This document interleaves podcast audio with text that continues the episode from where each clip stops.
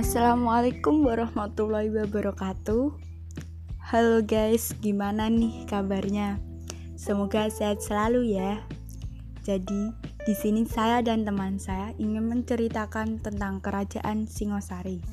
Sebelumnya, perkenalkan kami dari kelompok 8. Nama saya Foni Dia Juamita, kelas 10 MIPA 2. Dan ini teman saya, Febriana Mutahara kelas 10 MIPA 2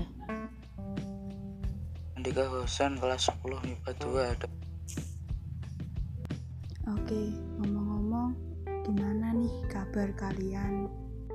Alhamdulillah baik Oke, saya mau tanya dulu nih sama Ana Sebelum Anda bertanya kepada saya, apakah Anda tahu awal berdirinya Kerajaan Singosari? Oh, tahu. Kerajaan Singosari merupakan kerajaan bercorak Hindu-Buddha yang terletak di daerah Malang, Jawa Timur. Kerajaan ini didirikan oleh Ken Arok.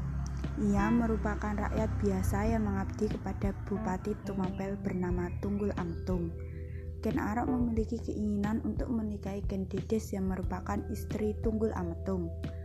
Ken Arok pun membunuh Tunggul Ametung menggunakan keris empu gandring dan menggantikan posisinya sebagai penguasa sekaligus memperistri Ken Dedes. Tak puas, Ken Arok kemudian ingin menjadi raja. Pada 1222 Masehi, Ken Arok melakukan serangan ke Kediri hingga Raja Kertajaya dapat ditaklukkan. Seluruh wilayah Kediri dipersatukan dengan Tumapel. Oke, giliran saya yang bertanya kepada kamu. Apakah kamu tahu siapakah raja-raja yang memimpin kerajaan Singosari? Sejarah kerajaan Singosari tidak lepas dari intrik. Ken Arok yang menjadi raja pertama memerintah selama lima tahun sebelum dibunuh oleh Anusapati, anak dari Kandides Datunggul Ametung. Selain Ken Arok, tercatat terdapat empat raja lainnya yang pernah berkuasa di kerajaan Singosari. Berikut ini adalah nama mereka. Yang pertama, Anusapati. Setelah membunuh Ken Arok, Anusapati berkuasa selama 21 tahun. Namun ia kemudian dibunuh oleh Tojaya, putra Ken Arok yang ingin membalas dendam. Anusapati meninggalkan seorang putra bernama Ronggowuni. Yang kedua, Tojaya. Tojaya menggantikan posisi Anusapati, namun Ronggowuni merasa dirinya juga berhak menjadi raja. Maka timbullah pertempuran antara kubu Tojaya dan Ronggowuni. Karena kurangnya dukungan Tojaya terdesak lalu melarikan diri. Yang ketiga, Ronggowuni. Ronggowuni bergelar Srijaya Winuwardana. Ia memimpin Singosari bersama Mahesa Cempaka. Saat memerintah, Ranggowuni mengangkat putranya yang bernama Kartanegara sebagai raja muda. Di bawah kepemimpinannya, Singasari aman dan tentram. Yang keempat, Kartanegara. Kartanegara merupakan raja kerajaan Singosari yang paling terkenal.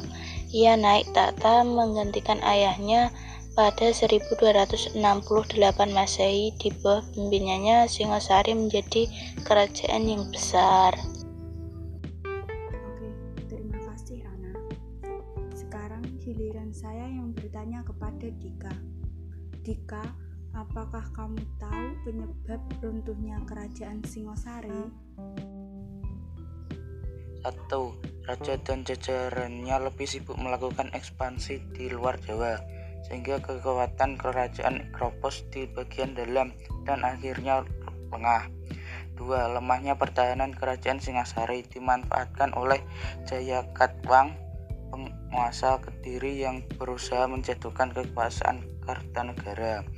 Tiga, Kartanegara mati terbunuh dalam pertempuran dengan pasukan Jayakatwang. Riwayat kerajaan Singasari pun berakhir. Segitu dulu penjelasan dari kami mengenai Kerajaan Singosari. Apabila ada kesalahan, kami mohon maaf yang sebesar-besarnya. Wassalamualaikum warahmatullahi wabarakatuh. Bye, guys.